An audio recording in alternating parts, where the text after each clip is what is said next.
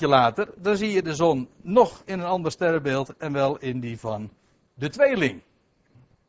En zo doorloopt de zon gedurende één jaar een twaalftal hoofdsterrenbeelden. U vindt ze hier op deze afbeelding allemaal zo afgedrukt. De dierenriem, dat is dus het pad dat de zon in één jaar aflegt langs die twaalf hoofdsterrenbeelden. Ik zeg hoofdsterrenbeelden, maar dat leg ik straks nog even uit. Het punt is dus dat het eigenlijk gewoon het pad dat de zon aflegt beschrijft. Dat is heel mooi, want ook de psalmen spreken daarover. Psalm 19, dat een schitterende psalm is, juist ook in het verband waar we het vanavond over hebben. Maar daar gaat het over, eh, in vers 5, over de zon. En daar wordt er gezegd, de zon die is, prachtig zoals het geformuleerd wordt. De zon die is jubelend als een held om het pad te lopen. Ja, van ochtend tot avond. Maar ook om het pad te lopen gedurende een heel jaar langs al die twaalf sterrenbeelden. De zon die daarbij als een held, als het ware, dat hele traject volgt. Waarom als een held, dat hoop ik u vanavond duidelijk te maken. De zon is in de Bijbel per definitie een type van God zelf. Ik hoop niet dat ik daarmee veel uh, verrassend zeg, want degenen die een klein beetje vertrouwd zijn met de Bijbel, die weten dat dat zo is.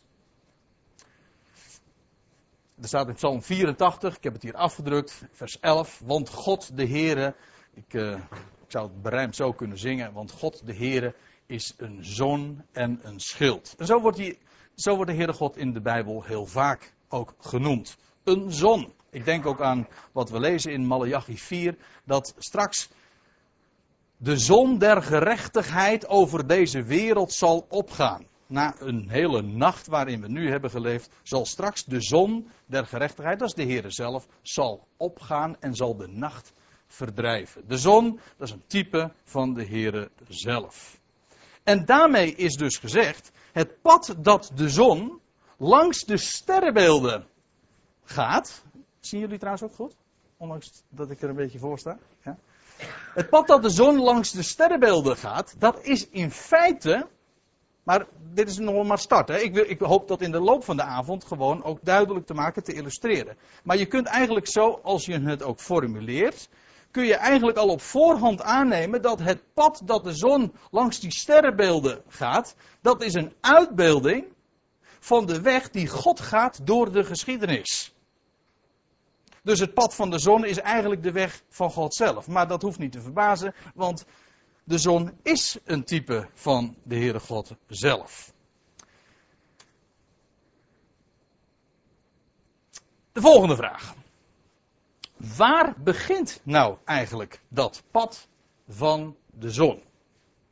Oftewel, waar beginnen nou die sterrenbeelden? Nou zeg je van, nou, ik, eh, ik heb eh, dat laatst nog eens een keertje in een horoscoop gekeken. En dan zie je dat, uh, de, dat die sterrenbeelden beginnen, kijk het maar na, bij. Even kijken of u vertrouwd bent met horoscopen. Uh, nou, dan zie je altijd, dan begint het met de ram. Dat, dat, is een, dat is een heel eenvoudige reden voor. Dat is namelijk dat uh, de ram in, de, in het voorjaar. Men begint te rekenen vanaf het voorjaar, waar op zich wel wat voor te zeggen is natuurlijk. Je begint te rekenen vanaf de lente, dan begint het jaar feitelijk pas goed. En dan beginnen ook de sterrenbeelden. Maar dat is niet de oorspronkelijke start van de sterrenbeelden. Het is niet het oorspronkelijke, de oorspronkelijke start van het pad dat de zon aflegt. En ik zal u eens een heel klassiek antwoord geven. En dan moet je hier wezen. Er staat al duizenden jaren, hoeveel duizenden jaren weet ik niet precies. Maar het zal me niet verbazen of dat is wel een duizend of vijf jaar. Staat daar in Egypte een gigantisch machtig mooi monument. Een sterrenkundig monument, feitelijk ook hoor. Want want daar is een heleboel over te vertellen, ook in de wijze waarop het gebouwd is, de wijze waarop het gelokaliseerd is ten opzichte van de piramides. Dat is eh, allemaal heel erg georiënteerd op de sterrenhemel ook. Maar die Sphinx die daar staat, die geeft een aloud antwoord. Want die Sphinx hebben ze maar daar niet voor de leut neergezet ooit. Omdat ze niks te doen hadden, of omdat ze, zoals u misschien zou denken, van nou ja, ze hadden daar toch een soortje Hebreeuwse slaven rondlopen, dus laten we hen eens een keer. Nee, want dat stond er toen al. In die Sphinx is iets ingeschreven, een inscriptie te vinden. Daarbij de klauwen heb ik me laten vertellen. Ik ben, ik ben hier nog nooit geweest. Ik ben ooit eens in Egypte geweest, maar ik ben nooit verder gekomen dan de Sinaï-woestijn. Ja, dat was met die Hebreeuwse slaven toen ook uh, het geval, maar dat is weer een ander verhaal natuurlijk. Uh, die in die Sphinx is een inscriptie te vinden en daar staat Reharm Agis. Mag u gewoon weer vergeten. Maar wat, daar, wat de betekenis van die inscriptie is, dat is dit. De weg van de zon. Waarmee gezegd is, dat is precies wat de Sphinx ook uitbeeldt. Namelijk de weg van de zon. En die Sphinx, dat is heel opmerkelijk. Die Sphinx die heeft de voorkant van een vrouw. We zeggen het nu even voor het gemak al meteen maar een maagd. En het achtereind van een leeuw. En daarmee is gezegd waar het begin en het einde, het startpunt en het eindpunt van de dierenriem gelegen is. Het wijst het begin en het einde aan van de dierenriem. Het begint bij de maagd, dat is het hoofd, en het eindigt bij de leeuw. En ik heb er hier alvast maar achter gezet, bij de leeuw van Juda. En zo is het natuurlijk, want laten we niet vergeten, we, houden ons vanavond bezig met de sterrenkaarten en met de sterrenhemel en met sterrenbeelden. Maar we laten natuurlijk wel de schrift spreken. En als ik het over de leeuw heb, de leeuw, dan heb ik het uiteraard over de leeuw van Juda. Hoe dan ook, dat komt allemaal nog wel aan de orde. Het punt is eventjes, we moeten wel goed weten waar ligt nu eigenlijk het knooppunt van die, van die dierenriem. Want ja, het is een cirkel. Hè? Het is een, een, een ronde die de zon elk jaar aflegt. Maar waar is nou eigenlijk de kop en waar is de staart? Dat is de vraag. Waar moet je beginnen en waar is het einde? Nou, de kop is gewoon uh, wat die Sphinx uitbeeldt. De, vrouw, de maagd en het einde is die leeuw. En daar, uh, daar zijn in de loop van de tijden nog heel wat bevestigingen bij gevonden. Want er is een. Uh, nee, ogenblikje. Daar kom ik straks nog even op. Er is in, uh, bij een van de piramides in, uh, in Egypte, ik zeg het niet helemaal goed, een tempel is er gevonden in het, in het oude Egypte, in Dendera. En daar hebben ze een heel oude sterrenkaart gevonden. Ik kom daar straks nog eventjes op terug. Maar daar vind je een sterrenkaart. En tussen de maagd en de leeuw in, tussen die beide sterrenbeelden, is een afbeelding geplaatst van de Sphinx. Waarmee weer bevestigd werd dat inderdaad die Sphinx een uitbeelding was van het pad dat de zon aflegt en daarmee ook de, de kop en de staart, het begin en het einde aangeeft van de dierenriem. Die ligt daar tussen de maagd en de leeuw in. Of het begint bij de maagd en het eindigt bij de leeuw. Nog even iets wat anders. Um, er zijn in totaal twaalf hoofdsterrenbeelden. Maar dat suggereert al iets anders. Want het punt is, elk sterrenbeeld, dat heeft ook nog weer drie begeleidende sterrenbeelden. Die worden heel deftig decanen genoemd. Decanen, decanen, daar zit het woordje deca in, tien. Dat komt dat die sterrenbeelden uh, één, sterrenbeeld, één hoofdsterrenbeeld. Dat uh, vertegenwoordigt ongeveer 30 dagen. Maar er zijn nog drie substerrenbeelden. En die duren ieder 10 dagen. Dus vandaar ook decanen. Dat betekent dus dat elke maand passeert de zon één hoofdsterrenbeeld en drie substerrenbeelden. Dus drie keer 10 dagen. En dat geeft in totaal 12 keer 4 is. Ja, ik ben erachter. 48 sterrenbeelden. 48 sterrenbeelden van de dierenriem. Ik weet niet of die. Uh, of dat de, de, gebruikelijke gedachte is, of dat je zegt, de dierenriem, dat zijn de twaalf tekens. Maar je zou ook kunnen zeggen, het zijn de 48 als je ook die substerrenbeelden, die decanen er ook bij betrekt. Het punt is namelijk ook nog eens dat die decanen, en daar zullen we vanavond ook achter komen, dat die decanen eigenlijk weer de waarheid van het hoofdsterrenbeeld weer bevestigen, illustreren, verduidelijken. Dat is een uh, buitengewoon uh, boeiend onderwerp. We gaan ons eens even, voordat we ons over, uh, echt specifiek richten tot de twaalf sterrenbeelden en tot de, de decanen, willen we ons eerst eens eventjes richten tot de schrift zelf. Er staat in Job 38 dit.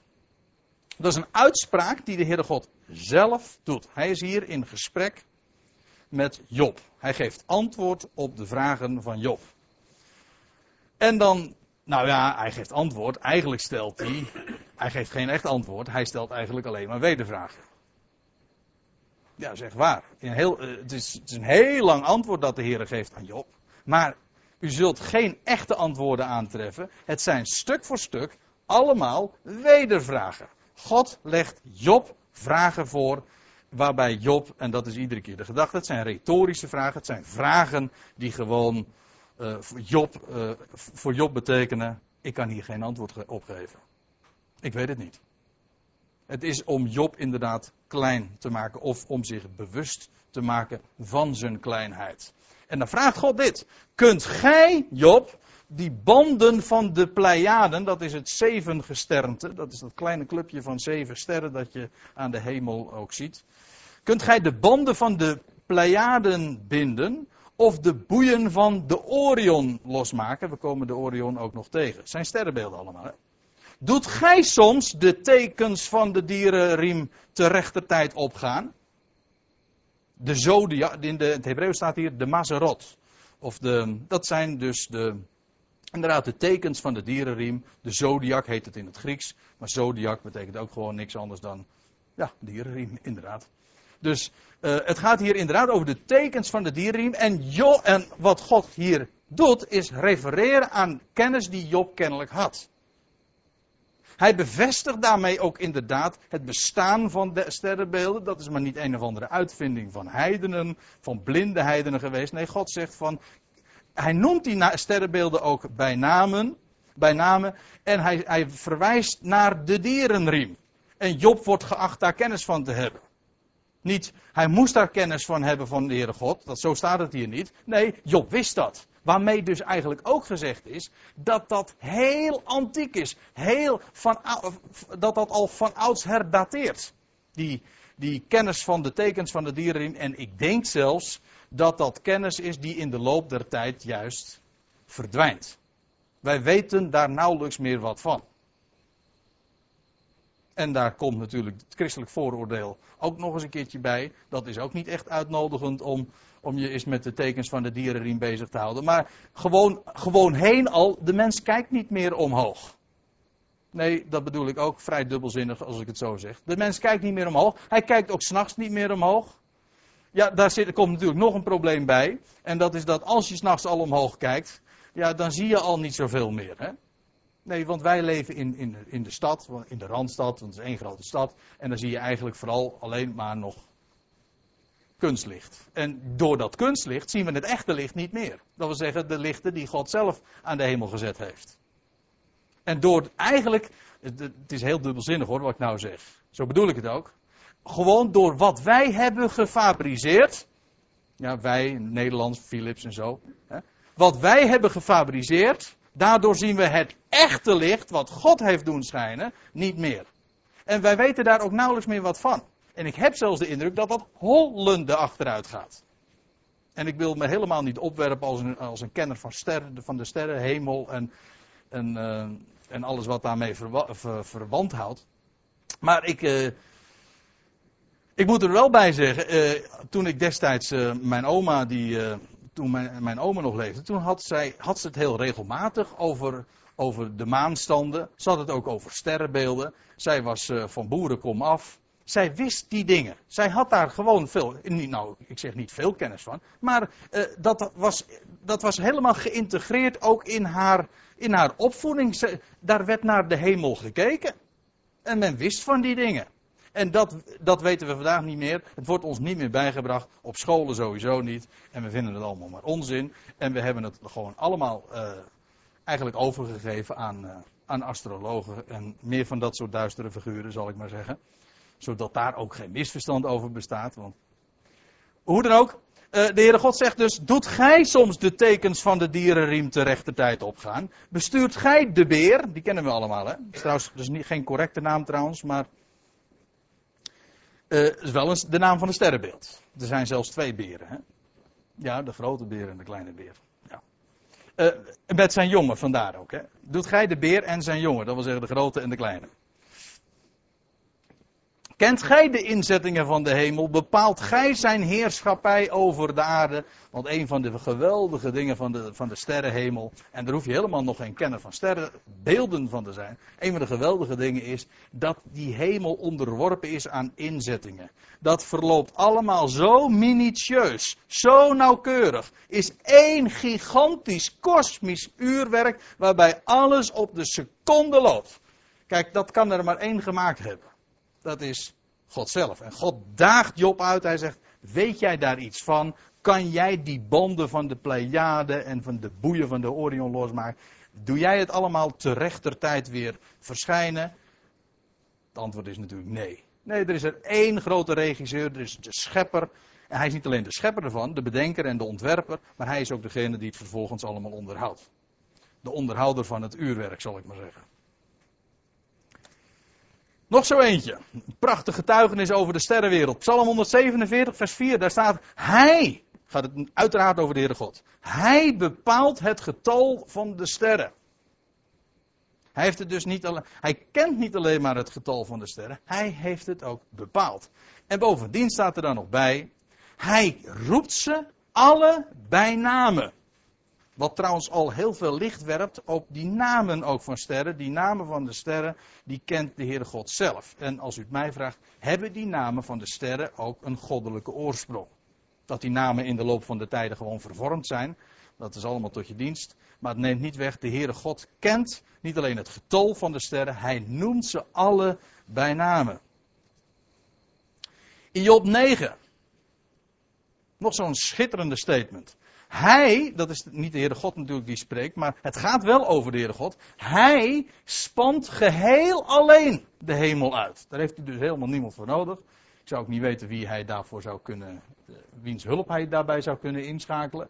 En staat er daar nog achter, dat is wel een hele belangrijke hoor, ook in verband met de studie van vanavond. Hij maakt de beer en de Orion, de Pleiade en de kamers van het zuiden. Vier sterrenbeelden in één zin. De beer, de Orion, de Pleiade en de kamers van het zuiden. Die laatste, dat laatste sterrenbeeld is een beetje problematisch, omdat we niet meer precies weten welke ermee bedoeld wordt. Maar daar zullen we ons verder niet al te zeer mee bezighouden. Punt is dat van, hier, van God gezegd wordt dat Hij die sterrenbeelden gemaakt heeft. Hij maakt de beer. Hij maakt de Orion. Hij maakt de Pleiade en de kamers van het zuiden.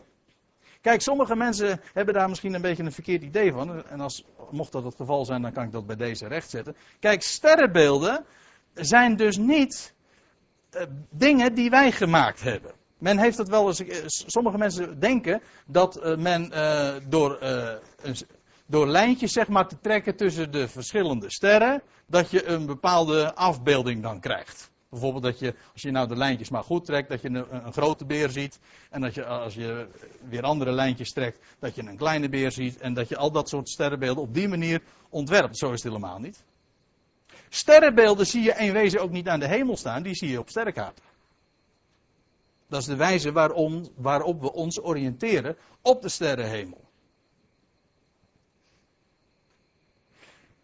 En wat hier dus staat, hij maakt de beer. Er staat hier dus niet, hij maakt de, de, de sterren die samen, tezamen de beer vormen en die tezamen de Orion vormen en tezamen de Pleiade en de kamers van het zuiden vormen. Hij heeft dus niet alleen maar, er staat hier dus niet dat hij de losse onderdelen, zal ik maar zeggen, van die sterrenbeelden gemaakt hebben, heeft. Dat is een beetje het idee. Ja, God heeft die sterren gemaakt en wij hebben er beelden van gemaakt. Nee, er staat hier, hij maakt de beer en de Orion. En u weet het, hè, het geheel is meer dan de som der onderdelen. Het is maar niet, zo, het is, het is, maar niet een, een, een gewoon een losse verzameling van sterren. En die wij dan gegroepeerd hebben en wij hebben er een naamje op geplakt. Nee, God zelf is dat. Die dat de beer en de Orion en de Pleiade en de kamers van het zuiden gemaakt heeft. En God zelf spreekt uh, ook over de tekens van de dierenriem. Hij maakte dat. Dus dat is toch een heel andere visie dan wat ons uh, gewoon heen daarover verteld wordt. Dan hebben we nog een hele mooie. Ik citeerde zojuist al even iets uit Psalm 19. Maar hier is een schitterende uitspraak. Eigenlijk zou je dat ook gewoon boven deze avond kunnen zetten. Als, als titel. De hemelen vertellen Gods eer. Let erop, vertellen. Hè? Er staat niet, de hemelen zijn Gods eer. Dat is wel zo, maar ze vertellen ook iets. Ze hebben een verhaal te melden. En staat er, het uitspansel verkondigt het werk zijner handen. Dat is een, uh, noemen ze een mooi pleonasme. De hemelen komt overeen met het uitspansel, vertellen komt overeen met verkondigen. Gods eer komt overeen met het werk van zijn handen. Gods eer, dat is het werk van zijn handen. En dan staat erachter, van dag tot dag doet ze sprake toestromen. En van nacht tot nacht predikt zij kennis. Dat wil zeggen dus dat die hemelen vertellen iets, ze verkondigen iets en ze prediken kennis en dat gaat door tot het einde der wereld. Iedereen kan daar kennis van nemen, letterlijk kennis van nemen. En God heeft zich ook niet onbetuigd gelaten. God heeft zijn woord gegeven, zijn Torah, de schriften. Dat is waar, dat is een speciale openbaring die hij gegeven heeft aan Israël en via Israël ook aan ons. Maar God heeft zich ook, voordat hij de schriften gaf, al niet onbetuigd gelaten. Met dank aan Paulus die dat ooit aan de heidenen in, wat was het? In Antiochië geloof ik vertelde. Nee. Nou ja, in ieder geval handelingen 13, daar kunt u nalezen. God heeft zich niet onbetuigd gelaten aan de hele wereld. De hele wereld die, die kent die sterrenhemel. En het ziet niet alleen maar zijn luister en zijn macht. Maar ook die sterrenbeelden, die, die zijn al zo oud. En die hebben allemaal uh, zoveel te vertellen. Ze prediken kennis. Ja, ik zal u uh, nog iets zeggen. Ik, ik, noemde zojuist al deze, deze plaats. In het oud-Egyptische Dendera. We zullen de naam nog wel vaker vanavond uh, laten horen. Daar is een van de oudste sterrenkaarten, in steen weliswaar, gevonden. Een hele een hele mooie sterrenkaart. Met al die 48 sterrenbeelden. Ik heb er hier een, een, een foto van. En daar vind je al die 48 sterrenbeelden. ik zeg niet dat ze alle 48 nog overeenkomen met onze sterrenbeelden. Want de wijze waarop wij ze benoemen. En we zullen, ik zal er vanavond nog wel een aantal laten passeren.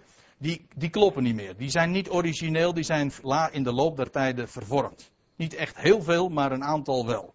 Dat maakt het allemaal wat lastig om te onderzoeken. Want u weet, als God iets aan de mens toevertrouwt, dan uh, is de mens er kei in om het te vervormen. En daar is natuurlijk, er is nog een geestelijk wezen die ons daar graag bij helpt. Hè, om de zaak een beetje te verwarren, te verdraaien enzovoort. Maar in ieder geval, die kennis van die sterrenbeelden, die is zeer oud. Zeer oud. En die hebben een, uh, Ze hebben een verhaal te vertellen. Ja. Wie is die beste man nou weer? Nou, dat is Flavius Josephus. En dat was een hele bekende. We hebben het, ik heb wel vaker op de Bijbelstudies zijn naam genoemd. Want daar wordt eh, toch wel vrij veel ook aan hem ontleend.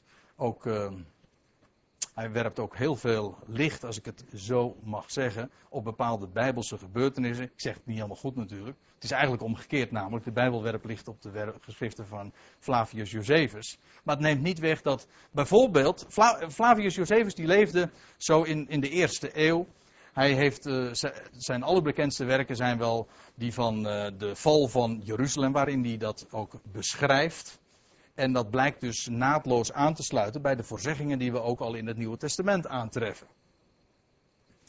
Hoe dan ook, eh, hij eh, is een geweldig aanvullend element ook voor als, als je kennis neemt van de Bijbelse geschiedenis. Volgens deze bekende Joodse geschiedschrijver, Flavius Josephus, gaat zelfs de kennis van de dierenriem terug. Hij beschrijft, hij beschrijft daar nogal het een en ander over. Helemaal terug op Adams zoon Zet. Dat wil zeggen, het gaat dus eigenlijk terug naar de allereerste of misschien de tweede generatie van de mensheid. En dat is helemaal niet zo gek. helemaal niet zo gek, want ik zal u vertellen dat heel die sterrenwereld en al die sterrenbeelden, die vertellen niets anders dan, het al, dan de aloude belofte die God ooit gegeven heeft aan de mensheid. De sterrenkaart, zo heb ik het hier, zo staat het hier op het scherm, dat wijst op de vele details van de zogenoemde moederbelofte. Ook wel genoemd het proto-evangelie. Beide termen zijn niet aan de schrift ontleend, maar zo wordt het dan in de wandeling genoemd. Genesis 3, vers 15. U weet wat er staat? Nee? Zal ik u even helpen? Daar staat dit. En ik zal vijandschap zetten tussen u en de vrouw. En tussen uw zaad en haar zaad. Dit zal u de kop vermorselen. En gij zult het de hiel vermorselen. Hier vind je feitelijk, men noemt het eh, terecht hoor, denk ik, het proto-evangelie. Want hier vind je in essentie terug dat wat God zou gaan doen. De zonde was zojuist geïntroduceerd in de wereld en wat God meteen doet. Terwijl de duisternis was ingevallen, God geeft licht. Zo was het toch, hè? Als de duisternis ontstaat, dan zegt God, er zij licht. Duisternis kwam ook in, in, moreel of in geestelijke zin over de wereld. En wat God doet, hij geeft ze het licht van zijn belofte. Hij zegt, ik ga vijandschap zetten tussen u en, tussen u en de vrouw. Dat wordt tegen de slang gezegd. Hè? En tussen uw zaad en haar zaad. En dat zaad van de vrouw, hele eigenaardige uitdrukking. Wat eigenlijk ook alweer verwijst naar de maagd hoor. Naar de maagd zou voortbrengen. Het wordt niet de zaad van de man genoemd, het zaad van de vrouw.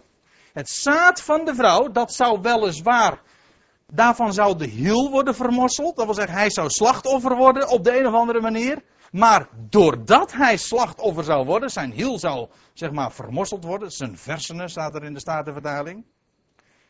Juist daardoor zou zijn kop worden vermorseld. Dus aan de ene kant, het zaad van de vrouw zou, zou komen, ooit. Dat is de belofte die gegeven wordt. Dat is het licht wat God in de duisternis doet schijnen.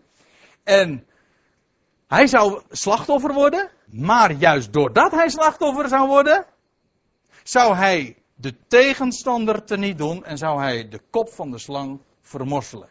En het is echt waar, en ik, ik zal het u gewoon vanavond in de loop van de avond laten zien. Wat je ziet in de dierenriem en al die 48 sterrenbeelden, is dit uitgebeeld. Zodat, kijk, het is ook heel logisch, hè? God heeft de belofte gegeven aan de mensheid. Zo in het allereerste begin. En weet u wat de mens gedaan heeft? Dit was licht in de duisternis. Men heeft dat doorgegeven natuurlijk. Doorverteld. En dat is daar, en daarom, dat hele verhaal of die belofte, zie je dan ook inderdaad aan de sterrenhemel uh, weerspiegeld. Dat zie je aan de sterrenhemel schijnen. God heeft dat op een of andere manier ook zelf aan de mens bekendgemaakt. Hoe die dat gedaan heeft, weet ik niet. Ik weet wel dat God zijn belofte heeft gegeven. Ooit. Ik weet ook dat God de sterrenbeelden gemaakt heeft, want dat zegt hij namelijk zelf. En ik weet dat als ik die sterrenbeelden bekijk, dan zie ik de belofte, de moederbelofte, het proto-evangelie, in al die details zie ik weerspiegeld. Zie ik daarin schijnen. Dat is gewoon, dat is het wonder, zeg maar, van de sterrenkaart. En dat is het wonder van, die, van het getuigenis van de sterren. Moet ik nog iets vertellen? Van ouds wordt de dierenriem onderverdeeld in een drietal, zo wordt het dan genoemd, een drietal boeken. De indeling is vrij logisch. Je begint bij de maagd. Dat is het eerste boek. Tweede, het eerste, eerste boek, eerste hoofdstuk is de maagd. Tweede hoofdstuk is de weegschaal. Derde hoofdstuk is de schorpioen. De vierde, het vierde hoofdstuk is de boogschutter. Dan komen we bij het tweede boek. Daarvan is het eerste hoofdstuk de steenbok. Het geitenbokje eigenlijk. Daar kom ik straks op terug. De waterman. De vissen, dat is het derde hoofdstuk. En het vierde hoofdstuk is de ram. Dan krijgen we vervolgens het derde boek. En daarvan is het eerste hoofdstuk stier. Tweede hoofdstuk tweelingen. Derde hoofdstuk kreeft en het vierde hoofdstuk. En daarmee eindigt het drietal boeken, de triologie zal ik maar zeggen. Leeuw. Dus het begint ook hier uiteraard met de maagd en het eindigt met de leeuw. Maar onderverdeeld in drie keer vier boeken. Waarbij ook echt duidelijk systeem zit. Hè? Ook dat wil ik u laten zien. Het eerste boek wijst op de eerste komst van het beloofde zaad. Als de verlosser. Vooral. Er komen ook andere facetten uh, bij kijken, dat is waar. Maar het onderwerp is de eerste komst van het beloofde zaad als verlosser. Het tweede boek, dat wijst op de resultaten van die verlossing. En dan krijg je het derde boek, het laatste boek. En dat laatste, derde boek, wijst op de definitieve komst van het beloofde zaad als de grote overwinnaar. Zodat je feitelijk ook die uh, 12 sterrenbeelden, maar eigenlijk alle 48 dus, 3 keer 16, gewoon ook kunt onderverdelen in die drie boeken en die drie hoofdthema's. Dus ook daarin zit een, een, een geweldige systematiek. Nou, nou gaan we ons eerst maar eens een keertje richten op, die, op het verhaal van die sterrenbeelden. Want tot dusver heb ik eigenlijk alleen maar inleiding gehouden over die dierenriem en wat daar zo al mee samenhangt, wat de schrift erover zegt. Maar laten we die boeken nou gewoon eens een keertje openen. En dan beginnen we gewoon bij het eerste boek. In het eerste hoofdstuk. En dan komen we dus bij de maagd. Ik geef ook bij al die 48 sterrenbeelden, geef ik u een plaatje erbij. Dat wil zeggen zoals die op de, de sterrenkaart is vermeld. Gewoonlijk correct, soms een, uh, niet helemaal correct, maar dan wijs ik u daar vanzelf wel op. Nou, dat eerste sterrenbeeld, de maagd, dat is, dat is toch wel leuk hoor, om dat te zien. Want weet u hoe ze wordt afgebeeld? Dat, dat is een vrouw met een korenaar in de linkerhand, moet ik zo doen natuurlijk, en met een palmtak in de rechterhand. In de, die palmtak komen we trouwens later nog een keertje tegen. Ja, de maagd wordt afgebeeld dus met in haar linkerhand een korenaar, in haar rechterhand een palmtak. Vroeger had men ook uh, echt kennis van typologie. Hè? Ja, want weet je, de linkerhand spreekt van vernedering. Links heeft altijd met vernedering te maken, zoals rechts met verhoging te maken. En ik, ga, ik doe niet eens moeite om dat vanuit de Bijbel te bewijzen, want je vindt dat zo ongelooflijk vaak. Trouwens, in onze spraakgebruik is dat ook nog zo. Hè? Links, dat is link, dat is left. Sinister is het Latijnse woord trouwens. Hè? Left is verlaten. Dat is negatief. Links, ja, vernedering. Iets wat je links laat liggen, dat verneder je. En dat spreekt inderdaad van de aar die ooit. Want, want als ik aan korenaren denk. En vooral de betekenis, de typologie. En daar hebben we het over. Over beelden, hè, sterrenbeelden. Dan praten we over typologie. Als ik aan de aar denk, dan denk ik aan de aar waarover, nou, meer dan eens zelfs sprake is. Maar die aar die in de aarde moest vallen. In de aarde moest vallen. Ja, leuk hè en sterven. Zo. Dat is de vernedering. Maar aan de andere kant, en daar wijst die maagd ook op, die, wijst, die heeft ook een rechterhand. En in die rechterhand heeft ze een palmtak. En dat spreekt, ja, rechts spreekt van verhoging. Iets wat voorrang krijgt. Hè? Dat, is, dat is de makkelijkste manier om te onthouden. Hè? Rechts heeft voorrang. En het spreekt van verhoging en het spreekt van triomf. En dat wordt nog weer een keer onderstreept door een prachtige palmtak. Want een palmtak, nou, het is uh, nog niet zo lang geleden Palmpasen geweest. Maar als je dat goed gevierd hebt, dan weet je ook dat palmtakken te maken hebben met Hosanna. De koning komt, weet je wel. En als er gezwaaid wordt en overwinning gevierd wordt, dan, dan heb je daarvoor een palmtak nodig. Een palmtak dat trouwens in een ander opzicht ook nog weer van koningschap spreekt. Het Hebreeuwse woord is tamar. Het is eigenlijk gewoon een boom met een kroon van bladeren.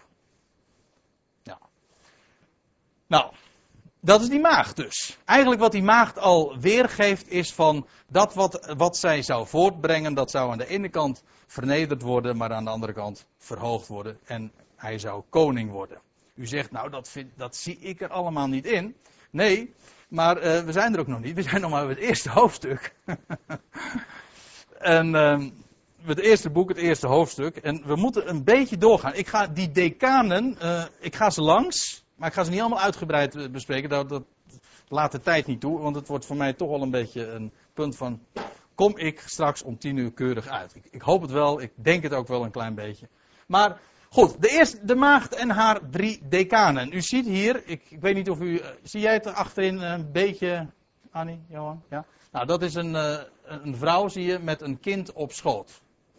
Eerste decaan, coma heet die. Heeft niks te maken met wat, uh, wat je wel eens overkomt als je in een ziekenhuis kunt, ligt of zo. Maar het betekent verlangen.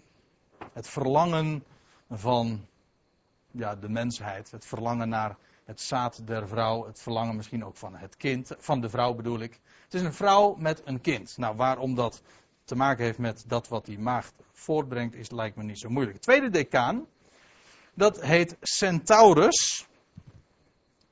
Is een, uh, ja, dat, dat, zie je trouwens in, het algemeen, in die sterrenbeelden heel vaak.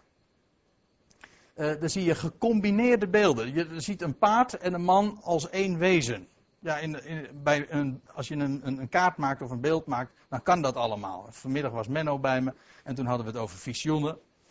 En uh, toen hadden we het even over openbaring. Dan zie je een lam met zeven, met zeven ogen, hoe, was het ook alweer? Zeven horens. En je ziet een groen paard. En ja, in een visioen kan dat allemaal. En in typologie kan dat ook allemaal. In het echt bestaat dat niet. Een centaurus bestaat niet. In het Hebreeuws heet hij trouwens Asmeat. En dat betekent gewoon zondoffer. Leuk hè? Dan heet dit, decaan heet gewoon zondoffer. In het Grieks heet die Gairon. En dat is de doorstokene. Ja, bij een hoop dingen hoef ik nauwelijks commentaar te geven. U, kent er gewoon, u kunt er gewoon het uur van denken. Je legt een link met dat wat je weet vanuit de schrift. En dan spreekt het op zich al. De derde decaan, dat is Bootes. Betekent de komende. Hij wordt afgebeeld trouwens als een man met een sikkel in de hand. Mooi hoor. Want dat is precies ook wat de Messias, het zaad van de vrouw, zal doen. Hij zal komen met de sikkel. Daag me niet uit, want ik kan u heel wat plaatsen in de Bijbel noemen. Waar dat zo ook beschreven wordt. Waar dat van de Messias gezegd wordt. Dat hij gaat maaien, dat hij gaat oogsten. En dat er ook in dat verband over een sikkel gesproken wordt. Dat is de zoon, dat kind, dat de vrouw zal voortbrengen. Dan krijgen we, we zijn nog steeds in het eerste boek. Maar nu gaan we naar het tweede hoofdstuk. Het tweede hoofdstuk, het tweede sterrenbeeld, het tweede teken van de dierenriem, dat is de weegschaal. Ja, als je nou astrologie bestudeert, dan, ik moet het toch even noemen, dan, zeggen, dan, dan uh, gaan ze je vooral ook uh, vertellen ja, u zegt, heb jij dat dan gedaan? Nee, maar ik heb me wel eens een keertje een klein beetje met astrologie toch bezig gehouden. En wat je dan hoort is dat als je geboren bent onder het sterrenbeeld uh, weegschaal, dan, dan betekent dat balans een belangrijk onderwerp en thema in jouw leven is. Hè. Je moet het eh, evenwicht zien te vinden. Je kunt er een heel mooi psychologisch verhaal aan vastknopen. En het grap is, het heeft er niks mee te maken. Nee, want een weegschaal is namelijk van origine gewoon niets anders dan een instrument waarmee bepaald wordt welke prijs betaald moet worden. Ook in de Bijbel zie je dat vele malen terug. Jezaja 55, vers 2. Johan heeft mooi die tip gegeven. Weet je nog een paar zondagen terug. Er staat in Jezaja 45, vers 2. Waarom weegt gij geld af? Voor wat geen brood is. Nou, het verband doet nu helemaal niet ter zake. Het gaat me even om het punt dat geld wordt, zilverstukken, of geld in het algemeen, wordt gewogen. Geld is trouwens gewoon goud. En goud, uh, geld, hè, gold. Hè, of zilverstukken. Dat wordt gewogen. Geld wordt gewoon gewogen. En een weegschaal spreekt daarom ook inderdaad van de prijs die betaald moet worden. En als u het mij vraagt, als ik, of laat ik het anders ik, als u het Paulus vraagt, als hij het over. Wat Paulus, wat zeg jij nou over een prijs die betaald is of moet worden? Nou, zegt Paulus, dan weet ik er wel een hoor.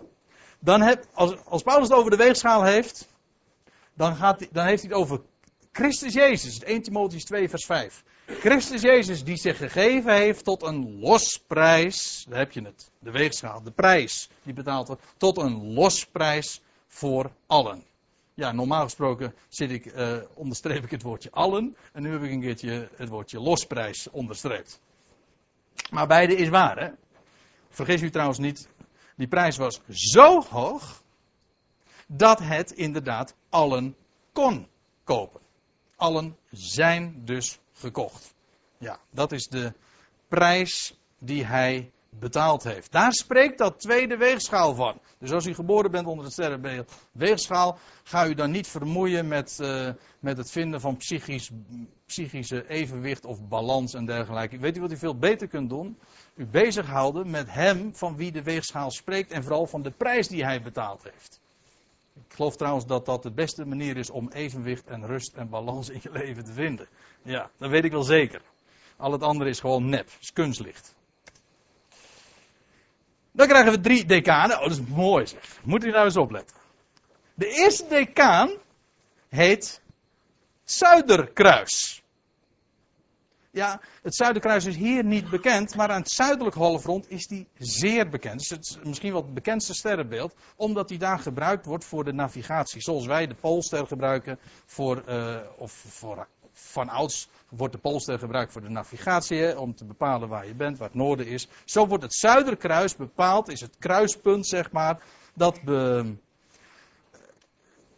je oriënteert op het zuiden. Leuk trouwens hè, dat zuiden en kruis ook weer uh, gelinkt wordt, want zuiden heeft ook weer te maken met vernedering, toch? Je zegt toch niet boven in het zuiden, hè? Nee, je zegt beneden in het zuiden. En daarom ook weer vernedering en daarom ook weer kruis. Klopt allemaal hoor, echt. En dat heeft dus ook alles te maken met die prijs die betaald is.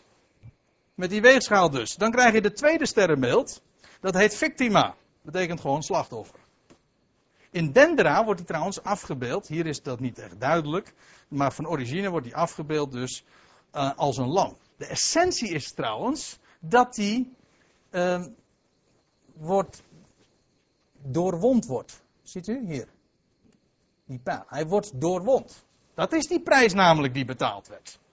Dat is uh, de doorwonding, of het feit dat hij gemaakt is tot slachtoffer.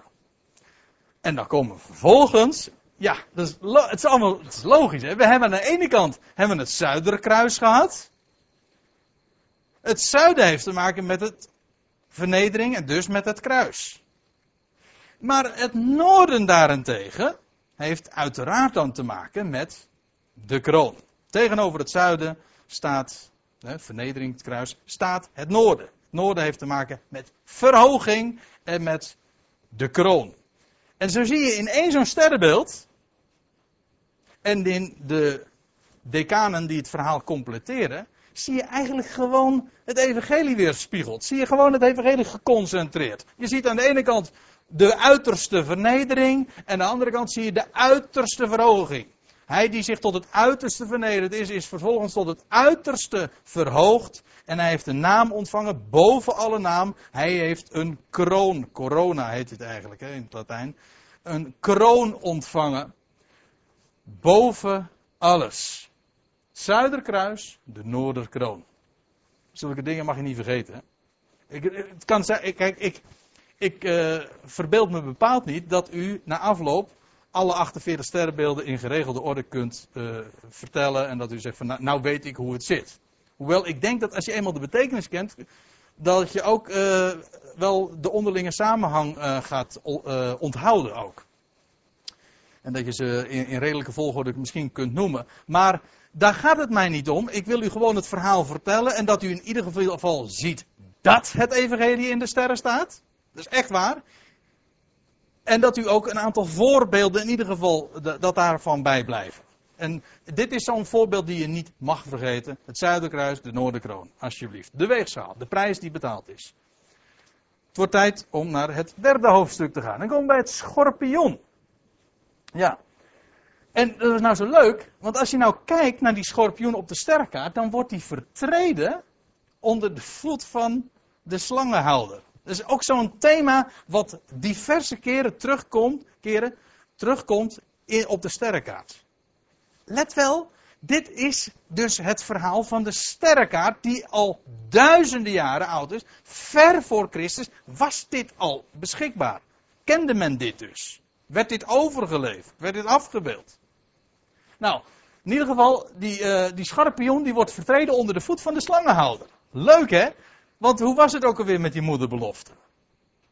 Het was toch zo dat het, de, het zaad van de vrouw zijn hiel zou vermorzeld worden. Ja, maar hij, zijn kop zou vermorzeld worden. Nou, die schorpioen is uh, gewoon niks anders dan in feite de slang zelf. Een, een van de typen van de tegenstander.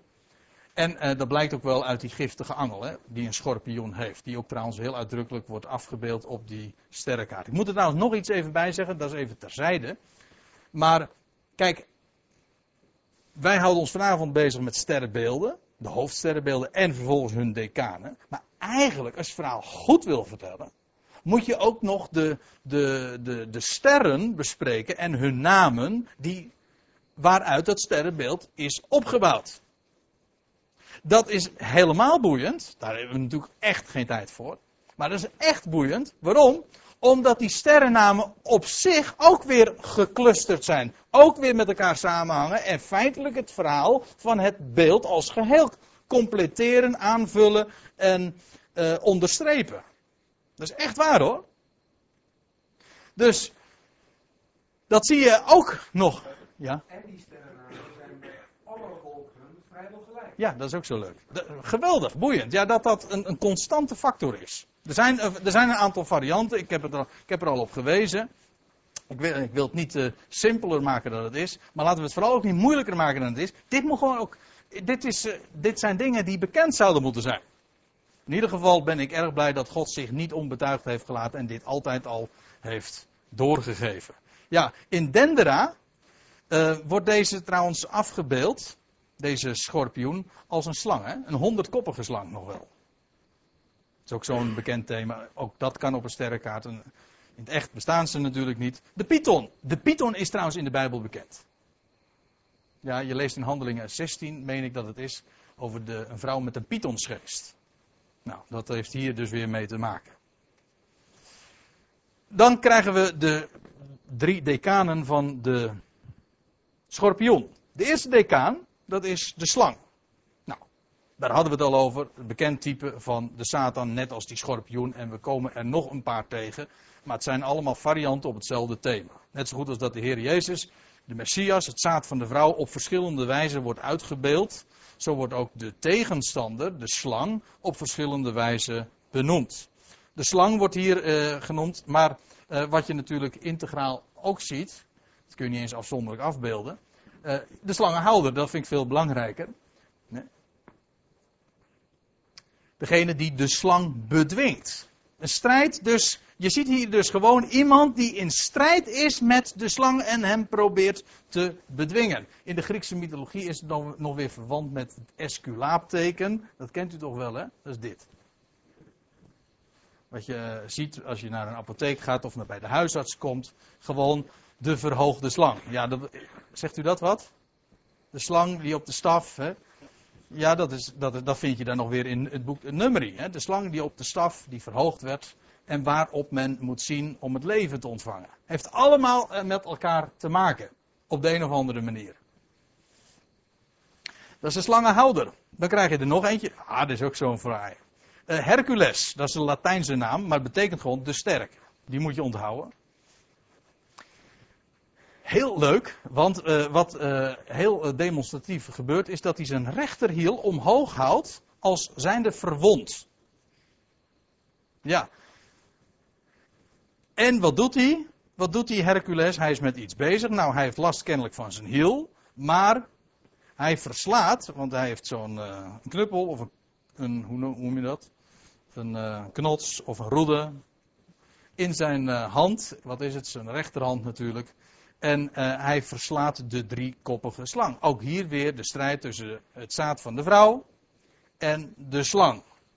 Zijn hiel zou vermorzeld worden, ja ja, maar uh, daardoor zou juist de slang zelf aan zijn einde komen en vernietigd worden, vermorzeld worden. Dan komen we vervolgens bij het laatste hoofdstuk van het eerste boek. Ja, het is inmiddels negen uur. Het eerste boek maken we uh, even af kunnen trouwens, ik waarschuw alvast, we gaan niet te lang koffie drinken, want anders, anders wordt het een beetje problematisch. Eh, ik wil namelijk ook weer niet gaan afraffelen. Ik kom sowieso bij me, ik wil ik bij het eind van mijn verhaal komen, maar ik wil het ook allemaal een klein beetje in geregelde orde vertellen. Eerste boek, vierde hoofdstuk, boogschutter. Een type van koninklijke strijd. Psalm 45 vind ik een hele mooie. Is ook een profetie trouwens. En daar gaat het ook over de Messias. En daar wordt er tot hem gezegd: Gort uw zwaard aan de heup, gij held, uw majesteit en uw luister. Rijd voorspoedig, als op een paard. Hè? Rijd voorspoedig. Uw rechterhand leren uw geduchte daden. Uw pijlen zijn gescherpt. Volken zijn onder u. Alsjeblieft. Zaad van de vrouw, die inderdaad uh, koninklijk, want daar spreekt een paard van. Een ezel spreekt juist van een dienstknecht en van een lastdier en zo. Heel positief trouwens hoor, maar het is wel vernedering. Een koning zet je niet op een ezel. Nee, goed. Ik denk van, uh, ik krijg nou kritiek, maar. Ja, ja, precies, maar hij kwam ook niet als koning, hè? Straks, nee, dat is juist het punt. Hij zal straks namelijk op een paard komen, hè, lees je in, in openbaring. Uiteraard ook is dat beeldspraak, maar op een wit paard zal hij bereiden. Nou goed, in ieder geval, hij, uh, die boogschutter is uh, niemand minder dan het zaad van de vrouw. Uh, de drie decanen, de harp, dat is heel eigenaardig. Uh, een harp is trouwens ook gewoon een boog. Nou ja, een gewone boog. Een boog met wat meer snaren, zeg maar. Een gewone boog heeft maar één snaar, maar een harp heeft een heleboel. En um, die harp die wordt afgebeeld uh, als, met een kop en de vleugels van een arend. Een arend komen we trouwens ook nog vaker tegen, omdat dat namelijk ook een klassiek, uh, ook in de natuur is dat zo, de klassieke overwinnaar is op de slang. Ja. Trouwens, een arend is sowieso al de koning van het hemelruim. Zoals de leeuw is de koning der dieren op aarde, zo is de arend de koning van, de, van het hemelruim. En als u het niet geloven wil, moet u dat maar in het boek Openbaring eens nalezen over die vier levende wezens. Want vind je een leeuw. Juist. Arend komt daar ook nog weer in voor. Een harp trouwens spreekt sowieso ook van triomf. Een lied van overwinning. Als een lied van overwinning gezongen wordt, dan is daar een, een harp dienstbaar voor. Ja, nog zo mooi zeg. Een nota bene een altaar aan de sterrenhemel. Ja, echt waar. Die heet, hij heet ook gewoon altaar. Latijns heet die ara, maar dat betekent gewoon altaar. Wordt ook gewoon afgebeeld als een altaar. Beetje raar op zijn kop, maar goed, dat is maar net hoe je, hoe je die kaart houdt, zal ik maar zeggen. Maar het is gewoon een altaar. En denk, bedenk daarbij trouwens dat het altaar spreekt van de verhoogde Heer. De meeste mensen denken bij een altaar meteen aan het lijden en het sterven van de Messias, maar dat doe ik eerlijk gezegd niet. Ik geloof dat, kijk, het, de Heer Jezus is gestorven, of een, laat ik het anders zeggen, een dier wordt geslacht. En nadat het geslacht is, komt het vervolgens op zo'n verhoging, op zo'n altaar, en stijgt het vervolgens op tot God. Dat is een beeld van respectievelijk zijn het sterven en de dood van de Heer Jezus, en daarna zijn opstanding, het feit dat hij opstijgt. En dan tenslotte, uh, dan gaan we koffie drinken. Uh, de laatste decaan, de laatste decaan van dit sterrenbeeld, maar ook de laatste decaan van dit boek. De slang, zo wordt hij, nee, hij wordt de draak genoemd, maar hij wordt afgebeeld als een slang. Heel eigenaardig, waarbij je dus ook gewoon ziet, het gaat eigenlijk over hetzelfde. Een slang afgebeeld, heb je hem weer. Onder de voet van Hercules, waar, die we net al tegenkwamen. De sterke dus.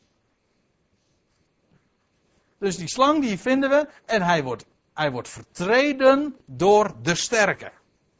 Ja, en dat is nou zo eigenaardig en daarmee wil ik afsluiten. Alle drie de boeken, alle drie de boeken van de sterrenhemel, van de sterrenkaart, die eindigen met de onderwerping van de tegenstander. In verschillende varianten uitgebeeld, als een slang of een draak of een ander dier. Maar in ieder geval de vertreding van de tegenstander. Dat wil zeggen, de kop die vermorzeld wordt.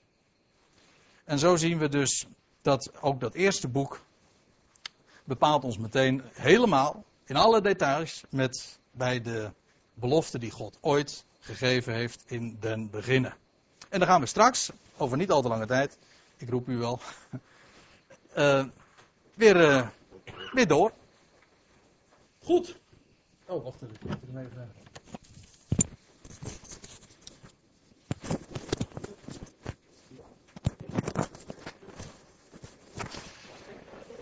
We gaan verder. We hebben één boek gehad. Dat betekent dus dat nog twee boeken moeten volgen. Maar goed, het was een lange inleiding. Dus het, uh, ik denk wel dat dat ons ongeveer gaat lukken. Het tweede boek begint uiteraard met het eerste hoofdstuk. En dat is de steenbok. Althans, zo kennen wij hem. Van origine. En, en in het Hebreeuws heet hij gewoon geitenbok omdat hij nogal kolossale horens heeft, heeft men het misschien een steenbok genoemd. Dat weet ik niet. Maar heet het in het Hebreeuws Gedi. En dat betekent een geitenbok. Heel eigenaardig ook weer afgebeeld.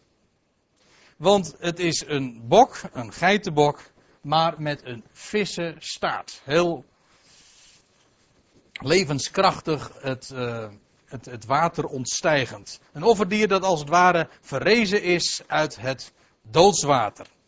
Ik zei al, het tweede boek, het, nee, het eerste boek spreekt over de eerste komst van Christus. Het tweede boek, dat handelt over de resultaten van de verlossing.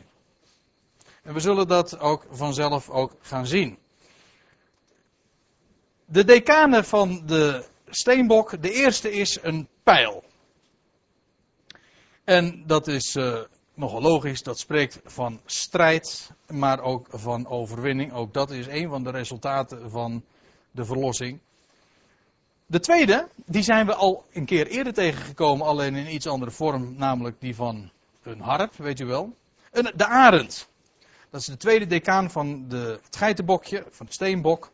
Een arend, dat is de koning van het hemelruim. De beheerser van het hemelruim en vooral ook en dat is op de sterrenkaarten vooral van belang, de overwinnaar van de slang. En dan hebben we tenslotte nog Delphinus, zo heet hij in het Latijn, oftewel de dolfijn. Nou, dat is een hele mooie, die onderstreept precies waar ik het net al even over had. Uh, het is een, een dier dat het water ontstijgt, eruit opstijgt. Nou, dat is precies ook wat een dolfijn is. En in het bijbelse spraakgebruik en in de typologie of in de symboliek in het algemeen is dat ook een beeld van ontrokken worden aan de dood. Ik vind een heel mooi voorbeeld daar altijd nog van iemand die zelfs zijn naam daaraan ontleend kreeg, namelijk. Nee, die bedoel ik niet, maar dat is wel op zich een mooie. Maar ik bedoel Mozes. Mozes betekent uit het water getrokken. Maar wat dat betekent eigenlijk gewoon uit het doodswater getrokken, want hij lag gewoon in een doodskistje. In een kistje, ja ja. Maar dat was gewoon een doodskistje. Hij was gewoon in de dood gelegd. Want dat betekende het normaal gesproken ook als hij daar in het water gelegd werd. Maar hij werd uit het water getogen, uit het water getrokken. Dat wil zeggen, hij ontsnapte aan de dood of hij werd ontrokken aan de dood. En dat is feitelijk beeld van leven na de dood of leven uit de dood of opstanding uit de dood. Verrijzenis uit het doodswater. Nou, daar is de dolfijn, om meer dan één reden trouwens, nog een prachtig type van. Dolfijn is een heel mooi verhaal over, maar dat ga ik nou niet vertellen. Ik wil alleen maar even laten zien dat het inderdaad spreekt waar, die, waar het geitenbokje in het algemeen van spreekt, namelijk een offerdier, jazeker, maar ons, uh, ontstegen uit het doodswater. Dat is waar dit sterrenbeeld en haar decanen van spreekt. Dan komen we bij de tweede, Aquarius. De waterman. Dat is een man die, als je om op sterrenkaarten ziet, wordt afgebeeld als iemand die een kruik met water pontificaal leeg giet. Ja, over die waterman, daar is een heleboel over te vertellen. Want men zegt nu, de astrologen, wij, zijn nu, landen nu in, belanden in het sterrenbeeld. Of in, de, in het tijdperk van de waterman van Aquarius. Klopt trouwens wel hoor, als u het mij vraagt. En we hebben 2000 jaar lang het tijdperk van, het vissen, van de vissen gehad. En ook dat klopt, als u het mij vraagt. Ja, dat is een, dat is een een, wat een raar verhaal, maar elk punt is namelijk dat op het moment dat de lente begint, het lentepunt noemen ze dat, dan staat de zon al 2000 jaar, de afgelopen 2000 jaar heeft de zon gestaan in het sterrenbeeld vissen. Maar dat verschuift zo langzamerhand. En dat verschuift in tegengestelde richting. Dat zeg ik even om het ingewikkeld te maken. Normaal gesproken ga je van vissen naar de waterman. Maar de verschuiving van het lentepunt gaat juist in, in, in, terugwaartse beweging. Namelijk van waterman naar Nee, van vissen naar waterman. Ik hoop dat ik het nou goed gezegd heb, want. maar in ieder geval, 2000 jaar lang heeft de zon gestaan in het sterrenbeeld. De vissen, het vissentijdperk. Men zegt dat is Ichtus, de twee vissen, weet u wel. Dat is het tijdperk van het christendom geweest. En nu verschuift dat tijdperk. Nu gaan, belanden we in een new age. Een nieuw tijdperk. En dat is het tijdperk van de waterman. En de astrologe zegt, eindelijk dat vissentijdperk, dat christelijke tijdperk. Voorbij, gelukkig, en nou gaan we de overvloed van die waterman beleven. Dat is ook zo, alleen nou hoop ik nou maar voor die mensen dat ze weten wie die waterman is. En dat ze trouwens niet op de verkeerde gokken, die straks inderdaad ook nog gaat verschijnen en die zich zal, zo zal voordoen als de Aquarius. Die Age of Aquarius. Zegt u dat wat? Ja. Ja, precies. De waterman. Een man die een kruik water leeggiet. Ik uh, denk dan meteen hieraan, Isaiah 44, vers 3. Dan zegt de Heer zelf, want ik zal water gieten op het dorstige en beken op het droge. Ik zal mijn geest, de levend water dus, uitgieten op uw nakroost. Wordt tegen Israël gezegd. En mijn zegen op uw nakomelingen. Dat is waar de waterman echt van spreekt. Die zijn, week, zijn beken en zijn water uitgiet op het nakroost van Israël in de eerste plaats. En vervolgens op alle vlees. Dat weet u ook, hè? De decanen van de, zuider, van de waterman, dat is in de eerste plaats de zuidervis. Dat is waar die stroom van water in uitmondt. De zuidervis, een vis weliswaar nog in vernedering, het zuiden, maar hij zwemt in levend water. Tweede decaan, dat is Pegasus betekent gewoon vliegend paard. Dat kan ook allemaal op in de sterrenhemel. Een vliegend paard. Dat is een paard.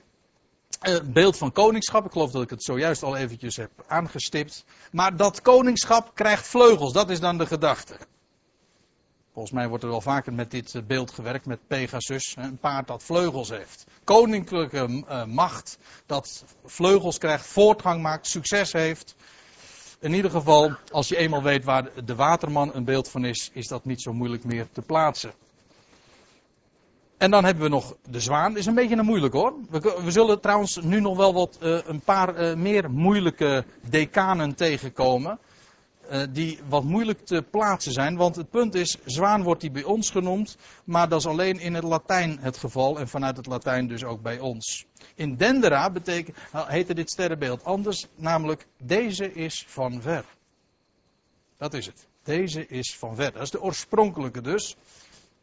Of een veel oorspronkelijker, zo moet ik het zeggen. En het spreekt van terugkeer. Terugkeer inderdaad van hem die komen zou. Dan gaan we naar het derde hoofdstuk van het tweede boek. En dan zijn we in de vissen. Spreekt mij wel aan natuurlijk, want ik ben geboren onder sterrenbeeld vissen. Ja. Spreekt van Israël onder de natieën. Ja, in de eerste plaats, ik weet dat u zegt van ja, maar het spreekt toch ook van ons, wij die onder de natieën verblijven. Dan zeg ik dat is misschien wel zo. Sterker nog, dat is ook zo.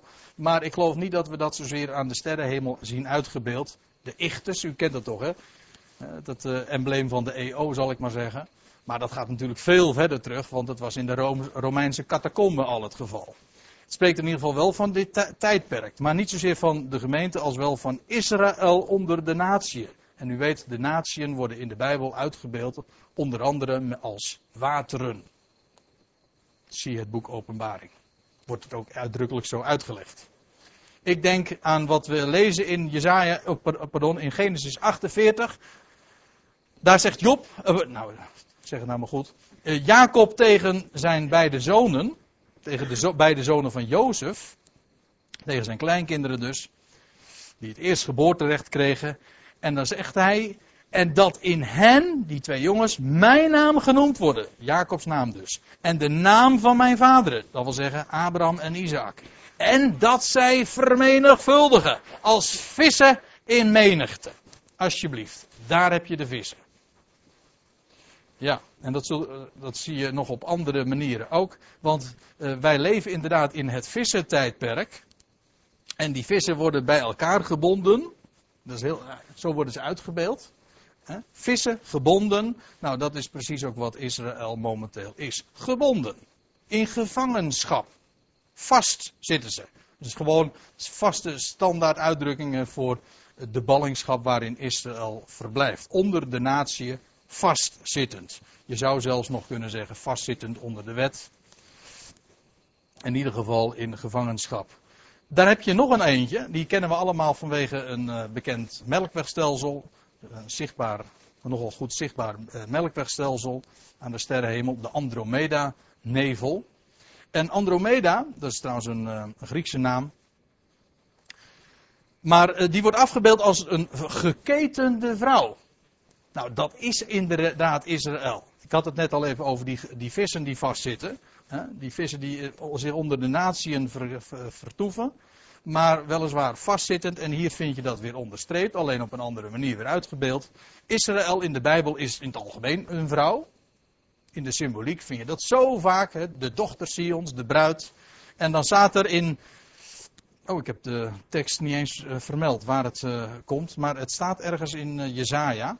Schud het stof van u wel aan, zet u neder, Jeruzalem. Maak de banden van uw hals los, gevangene, dochter van Zion. Dat is momenteel Israël nog steeds. Nog steeds geketend, gevangen, vastzittend. Maar, en dus ook nog onder de natieën. En dan hebben we nog uh, een hele bekende, Zephus, de koning. Want dat betekent gewoon dit sterrenbeeld. Afgebeeld als de gekroonde koning dat is hij die momenteel inderdaad in dit huidige tijdperk, weliswaar onzichtbaar, maar hij is gekroond met eer en heerlijkheid. Zegt de Paulus toch ook? Of dat zegt de schrijver van de Hebreeënbrief toch ook? ja. Wij zien Jezus. Hè? Dan zien wij nog niet alle dingen hem onderworpen, maar wij zien Jezus gekroond met eer en heerlijkheid. Nou, dat is inderdaad deze koning, de gekroonde koning. We gaan snel. Dat is, wij bevinden ons momenteel, uh, de meningen schijnen een beetje verdeeld over te zijn van wanneer dat tijdperk precies begint. Je kunt het ook geloof ik niet helemaal op het jaar nauwkeurig of het decennium zelfs nauwkeurig aanwijzen. Maar uh, wij zitten momenteel in de overgang van, van de Old naar de New Age. Dus van het vissentijdperk naar de waterman. En uh, dat zou natuurlijk wel eens een keer samen kunnen vallen. Maar dit is uiterst speculatief wat ik nu zeg. Dus heb ik u meteen gewaarschuwd. Het zou natuurlijk wel eens kunnen samenvallen met het werkelijke, uh, over, de werkelijke overgang van naar het nieuwe tijdperk dat aanstaande is. Als de 2000 jaren, waar de schrift ook over spreekt, de twee dagen voorbij zijn. Maar dat geef ik zomaar ter overweging. We gaan nu naar het vierde hoofdstuk van het tweede boek. En dat is de ram. Ram, ook weer een offerdier. We komen verschillende offerdieren tegen. Op de, het bokje. Straks komen we er nog eentje tegen, de stier. Nou, dit is de ram, ook een offerdier. Maar hier trots afgebeeld met, de met horens. En u weet, of u weet het niet. Als je een klein beetje bijbelse symboliek kent en de bijbelse profetie, dan weet je dat horens spreken van koningschap. Een ramshoren trouwens in het algemeen, dat is de shofar. En dat heeft alles te maken met het, met het offerlam. Maar dat nog spreekt na zijn dood. Want dat is een shofar eigenlijk. Hè? Dat geluid voortbrengt. Alhoewel het dier al gestorven is. Schitterend beeld trouwens. Maar een ram, een, pardon, een hoorn in de Bijbel is een, een, is een koning. Je vindt bijvoorbeeld een, een, een dier met tien horens zie het boek Daniel. En dan staat er, dit zijn tien koningen. Een hoorn is een koning. Ja. En dit vierde hoofdstuk van het tweede boek, dat is eigenlijk meteen weer de koppeling naar het derde boek. Dat verschijnsel zie je dus ook. Je ziet ook dat de, het zijn verschillende boeken, maar eigenlijk is iedere keer de laatste hoofdstuk weer de inleiding voor het volgende boek. Het is de, de schakel, de koppeling, de link naar wat volgt. De decanen van uh, de ram, dat is in de eerste plaats Cassiopeia, zo wordt ze genoemd. Afgebeeld als een vrouw op de troon met de palmtak. Ja, heb je die palmtak weer. Weer overwinning en vandaar dus ook de troon. Israël, en dat is, kan niet missen, want als er een vrouw op de troon zit en bovendien gekroond en een palmtak in de hand, dan hebben we het over Israël, die inderdaad de koning is. Nu nog steeds geketend, jawel, het. Nu is het nog steeds geketend, gebonden, in ballingschap, onder de natie. Maar straks zal ze teruggebracht worden naar het land en zal ze gesteld worden tot de koningin van de natie. De bruid van de koning. Cassiopeia. De volgende, dat is uh, het zeemonster, zo heet hij. Ik heb de, zijn Latijnse naam maar uh, even gelaten voor wat het is, maar het is gewoon in het Nederlands het zeemonster. Ja, leuk ook weer, want uh, als je nou een sterrenkaart neemt, hier zie je het niet goed, maar de ram, hè, waar we het net dus over hadden, de ram die bevindt zich boven de kop van het monster. Ja, en ook hier zie je weer uh, dat zeemonster. U, ik hoop dat u net als ik meteen denkt aan het beest uit de zee. Hè? Ik ken maar één echt zeemonster. Nee, ik ken er nog één. Leviathan die in het Oude Testament genoemd wordt, maar de, het zeemonster, het beest uit de zee, maar dat, die gaat straks overwonnen worden. Ja, inderdaad, door wie? Nou, door het lam, de ram, jazeker. En hij zal worden overwonnen. En dat, uh, aan dat monster komt een eind. God zij dank. Het monster moet trouwens nog steeds verschijnen. Maar hij komt er wel. En dan hebben we Perseus, dat is een hele leuke ook. Want uh, zijn naam betekent vanuit het Hebreeuws gewoon doorbreker. Denk maar aan Peres. Betekent doorbreken. Je kent die geschiedenis van de geboorte van die tweeling van Tamar. Weet je wel, die palmtak, palmboom. Peres en Serach. Serach betekent het opgaande licht. Maar die opgaande, het opgaande licht, zijn komst werd onderbroken. En Peres die kwam ertussenin. Heel merkwaardige geschiedenis natuurlijk. Maar, en dan zegt die vroedvrouw, oh hoe zijt gij doorgebroken? Peres werd hij genoemd. Schitterende betekenis zit er aan vast. Gaat nu alleen maar even om dat sterrenbeeld. Doorbreker heet hij. En uh, ik denk dan aan wat we lezen in Micha 2, vers 12 en 13. Daar staat er, en dat is ook in verband met die toekomst, maar daar hebben we het nu eigenlijk al over, want het is eigenlijk de overgang. Hè? De overgang naar het derde boek. Voorzeker zal ik u, o Jacob, in uw geheel bijeenbrengen. De doorbreker, Peres, Pershuis, de doorbreker trekt voor hen op en de Heere is aan hun spits. Dat is de doorbreker. En die vind je dus, dat is het derde decaan van het sterrenbeeld, de ram. Dan gaan we naar het derde boek. Het laatste boek. En het eerste teken daarvan, dat is de stier. Ja, dat is het derde offerdier dat we tegenkomen. Net als de bok en het ram. En de ram. Hier afgebeeld met horens. Hè?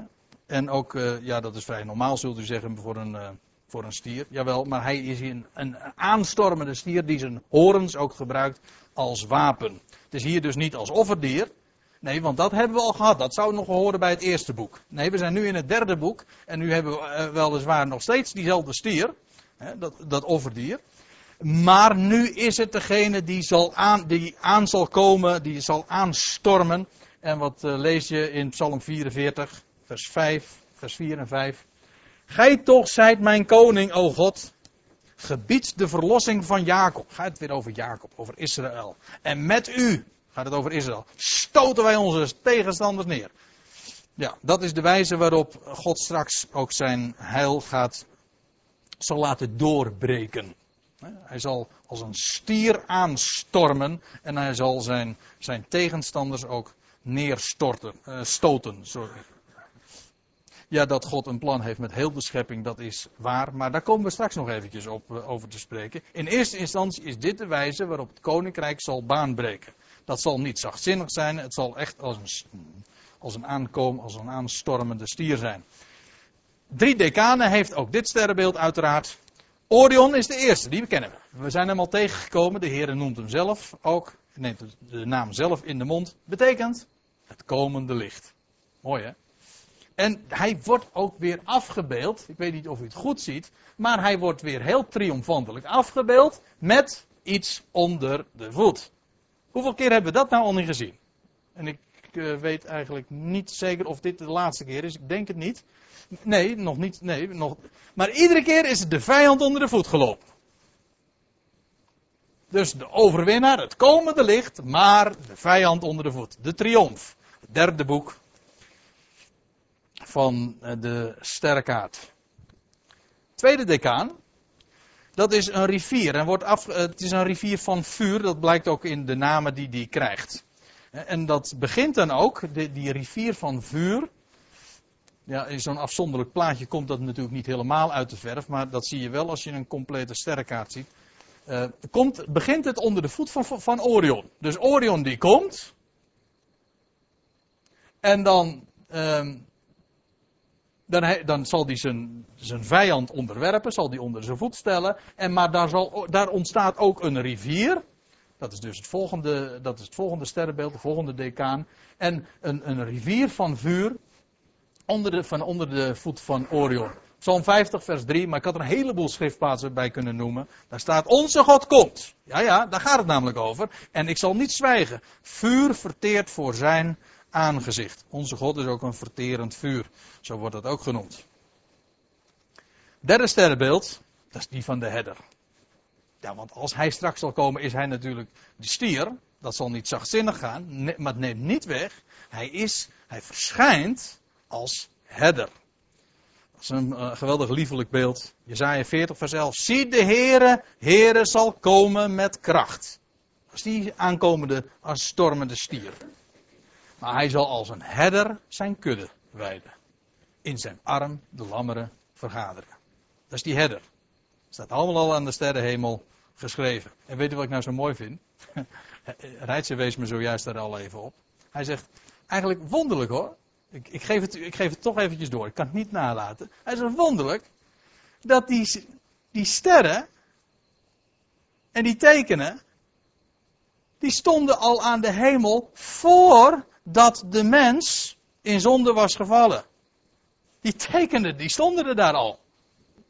Of het de mensen al bekend meegemaakt werd, was, dat betwijfel ik. Dat doet ook even niet de zaken. Maar God had die tekenen al lang aan die sterrenhemel gesteld. Geweldig, hè? Dat wil zeggen, het stond allemaal al vast. Het script lag er gewoon. En dat betekent dus gewoon ook dat alles door God is gesteld. Ja. Dat is dan ook nog een les die je uit die sterrenhemel en uit die sterrenbeelden kunt trekken. Het tweede teken, dat is de tweeling. De twee die eigenlijk één zijn, want dat is de gedachte die erachter zit. In, uh, in het Grieks heten ze Castor en Pollux. We komen ze in de Bijbel trouwens ook tegen. Ja, een beetje verborgen, de Dioscuren. Dat was het schip waaronder Paulus ooit voer naar Rome. Het schip van de Dioscuren, maar dat is gewoon de, twee, de tweeling. Castor en Pollux worden ze dan genoemd. Pollux betekent geboren uit het licht. En Castor betekent richter. Ja, leuk vind ik dat. Want, maar die twee zijn uiteindelijk gewoon natuurlijk dezelfde. Degene, de gedachte bij die tweeling is, want je kunt het op allerlei manieren, allerlei namen daarvoor aandragen. Maar de gedachte is, degene die straks in heerlijkheid zal verschijnen, dat is in wezen dezelfde als hij die eens kwam in vernedering. De twee blijken eigenlijk dus één te zijn. Ook deze, dit sterrenbeeld heeft natuurlijk drie decanen. De eerste, en nou wordt het lastig. Ik heb u al gewaarschuwd, er komen nog een paar sterrenbeelden die niet correct zijn, die niet juist zijn, die ook heel moeilijk te traceren zijn. De haas, zo wordt hij genoemd, maar het is evident, het is niet een oorspronkelijke naam. En waar, hoe men wel aan die haas komt, daar zijn verschillende eh, ideeën van. Het is trouwens zelfs op de sterrenkaart geen haas, want daar heeft hij veel te korte oren voor. Maar goed, dat maakt verder allemaal niet zoveel uit. Eén ding is wel duidelijk. Hij wordt vertreden, en dat is wat wel van belang is. Hij wordt vertreden onder de voet van Orion. Daar heb je hem weer. Maar daar hadden we het al eventjes over. Dat is wel van belang. Dan krijg je de, groot, eh, eh, de grote hond. Maar ook dat is geen correcte naam. Ik, uh, ik, ik, ik, moet het gewoon voor de eerlijkheid erbij zeggen. Zo kennen wij hem de hond. Wij hebben ook nog de kleine hond. We kennen het trouwens. U weet toch wel wat de hondsdagen zijn, hè? Nou, die, die hondsdagen, dat zijn de dagen, dat zijn die twee keer tien dagen. Die, uh, ik meen twee keer tien dagen, die uh, waarbij de, de zon staat in het sterrenbeeld de hond. Dus daarin kennen we het nog een klein beetje. Dat is ergens in augustus, als ik me niet vergis.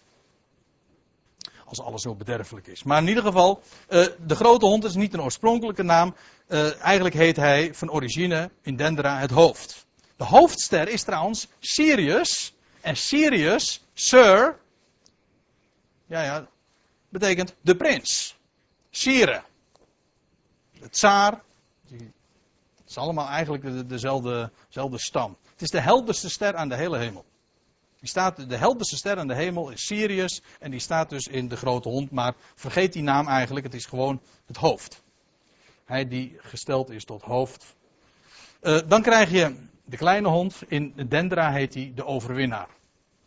De overwinning, pardon. Dus die naam van hond uh, kun je beter weer vergeten. Maar ik heb hem toch maar erbij genoemd. Omdat ze in ieder geval te maken hebben, als je de naam terugbrengt naar zijn origine, dat ze wel degelijk spreken van de triomf en van de definitieve komst van het beloofde zaad. Dan krijgen we het derde teken. Het derde hoofdstuk van het derde boek. Dat is de kreeft. Is ook al niet zo makkelijk. Dat is de krab. Ja, want uh, hij wordt genoemd kreeft en hij staat op de sterrenkaart als een krab. En ook dat blijkt dus geen oorspronkelijke naam te zijn. Dus daar wordt het aan het eind van de avond toch nog een aantal keer een beetje ingewikkeld. Neem me niet kwalijk, maar ik wil het ook niet mooier maken dan het is. Het is al zo mooi, hè. Uh, maar ik wil het niet mooier maken dan het is. Of lastig, dit is een lastig punt. Want de vraag is, hoe, kom, hoe, hoe komt men nou aan krab? Want in de oorspronkelijke namen zijn, en dan noem ik er een paar, vasthouder. Of bijeenbrenger. Of degene die samenschaart. En als je het eenmaal zo formuleert, dan begrijp je ook hoe men aan een krab komt. Ziet u me wel goed genoeg in het donker staan? Ja. En gewoon die samenbrengt, die samenschaart. Dat is eigenlijk wel leuk, hè? Bij, bijeenscharen.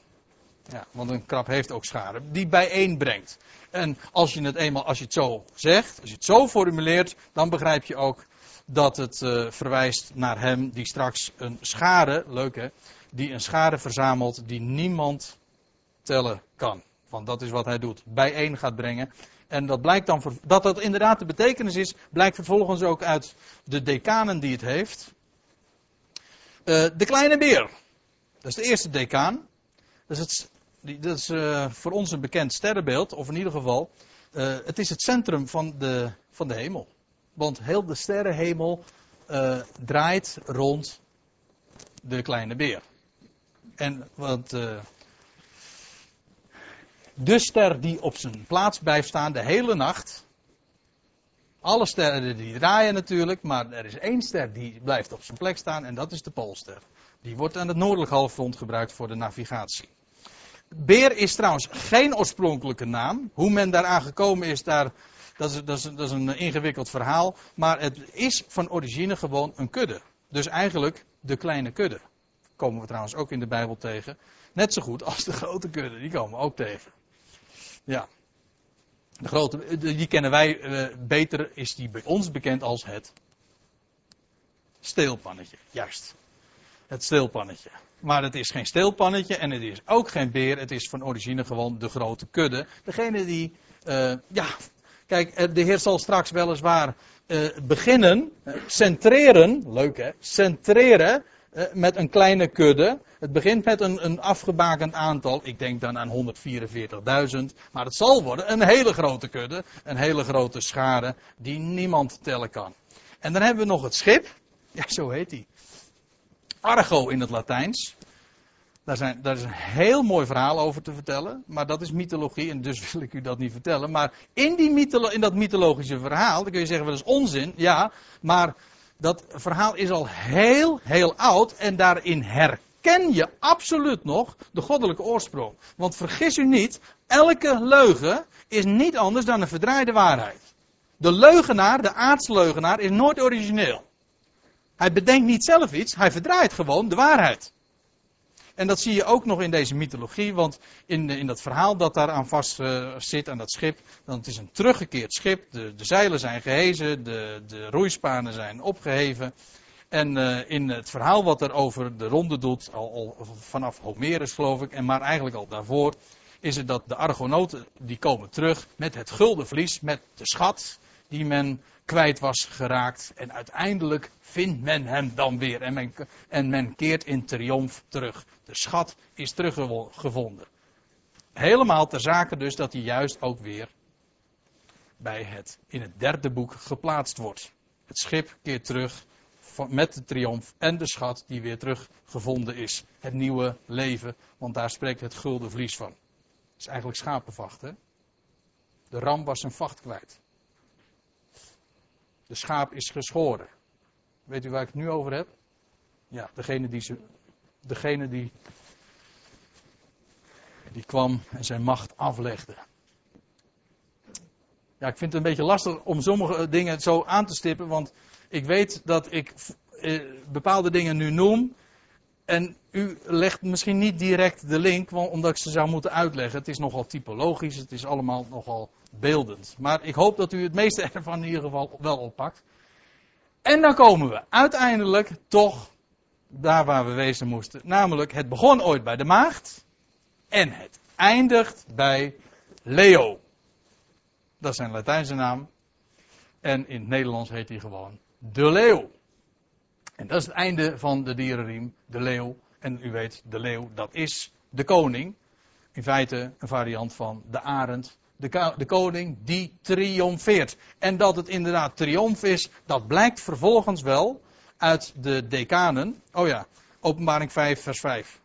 Zie de leeuw uit de stam van Juda. Want u weet, hè, aan Juda was de scepter ooit beloofd. De koningsstam was het de wortel van David, hij heeft overwonnen. Daar spreekt de leeuw van. De leeuw van Juda, degene die de overwinning behaald heeft. Hij was inderdaad, dus moet u maar eens in openbaring 5 nalezen, dan wordt er gezegd, zie de leeuw uit de stam van Juda. En dan kijkt Johannes en wat ziet hij? Een lammetje als staande als geslacht. Ja, er wordt gezegd, zie de leeuw uit de stam van Juda. En wat ziet hij? Een lammetje staande als geslacht. Maar die twee zijn één. Heb u hem nog? Die tweeling, ja. Die twee zijn één.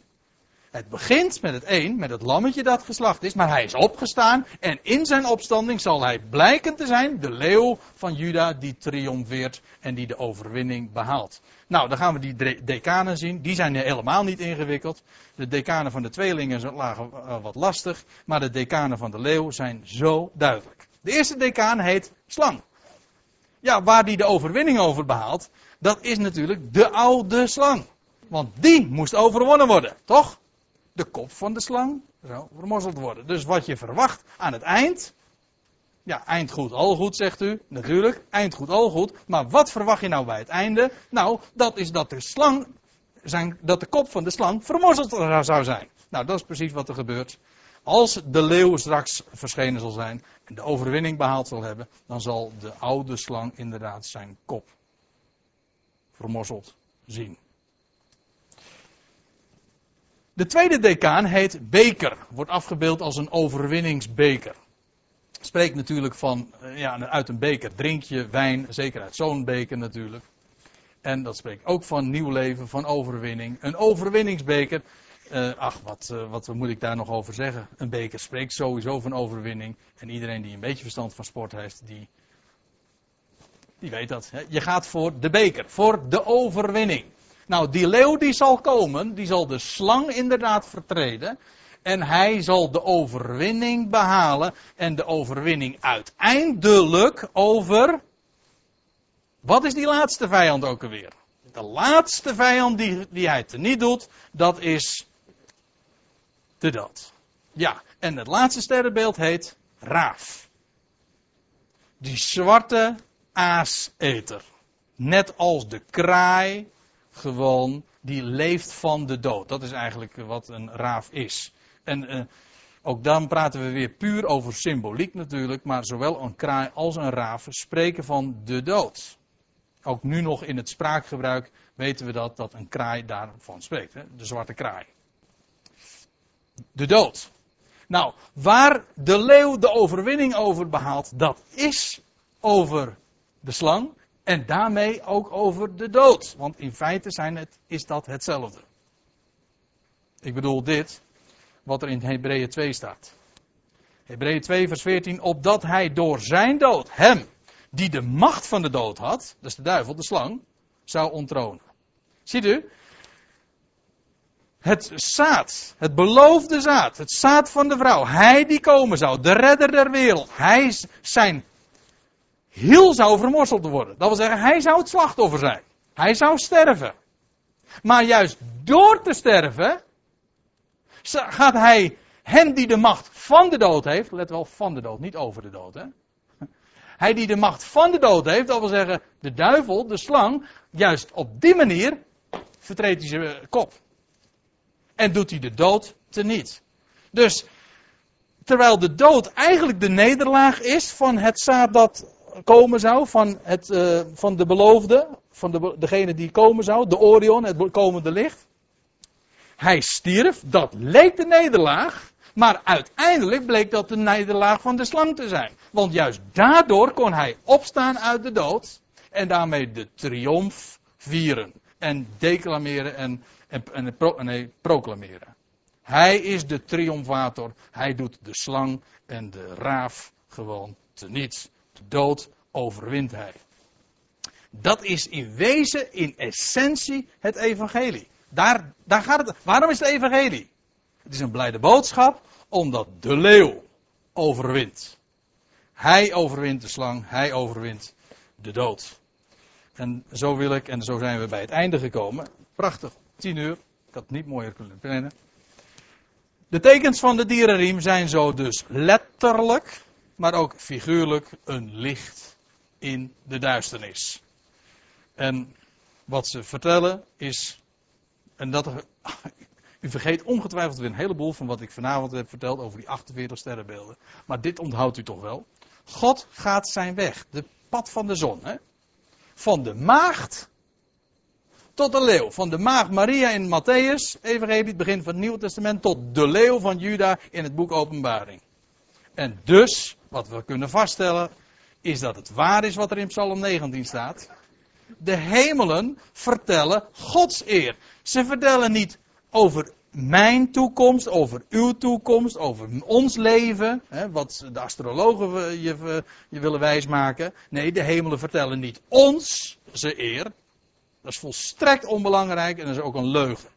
Maar verlies u nou niet in dat verhaal, zoals men dat altijd gedaan heeft. Ja, maar de hemelen vertellen niet van ons. Nee, dat is waar. Maar waar vertellen ze dan wel van? Nou, dat heb ik u vanavond proberen te vertellen. De hemelen vertellen Gods eer.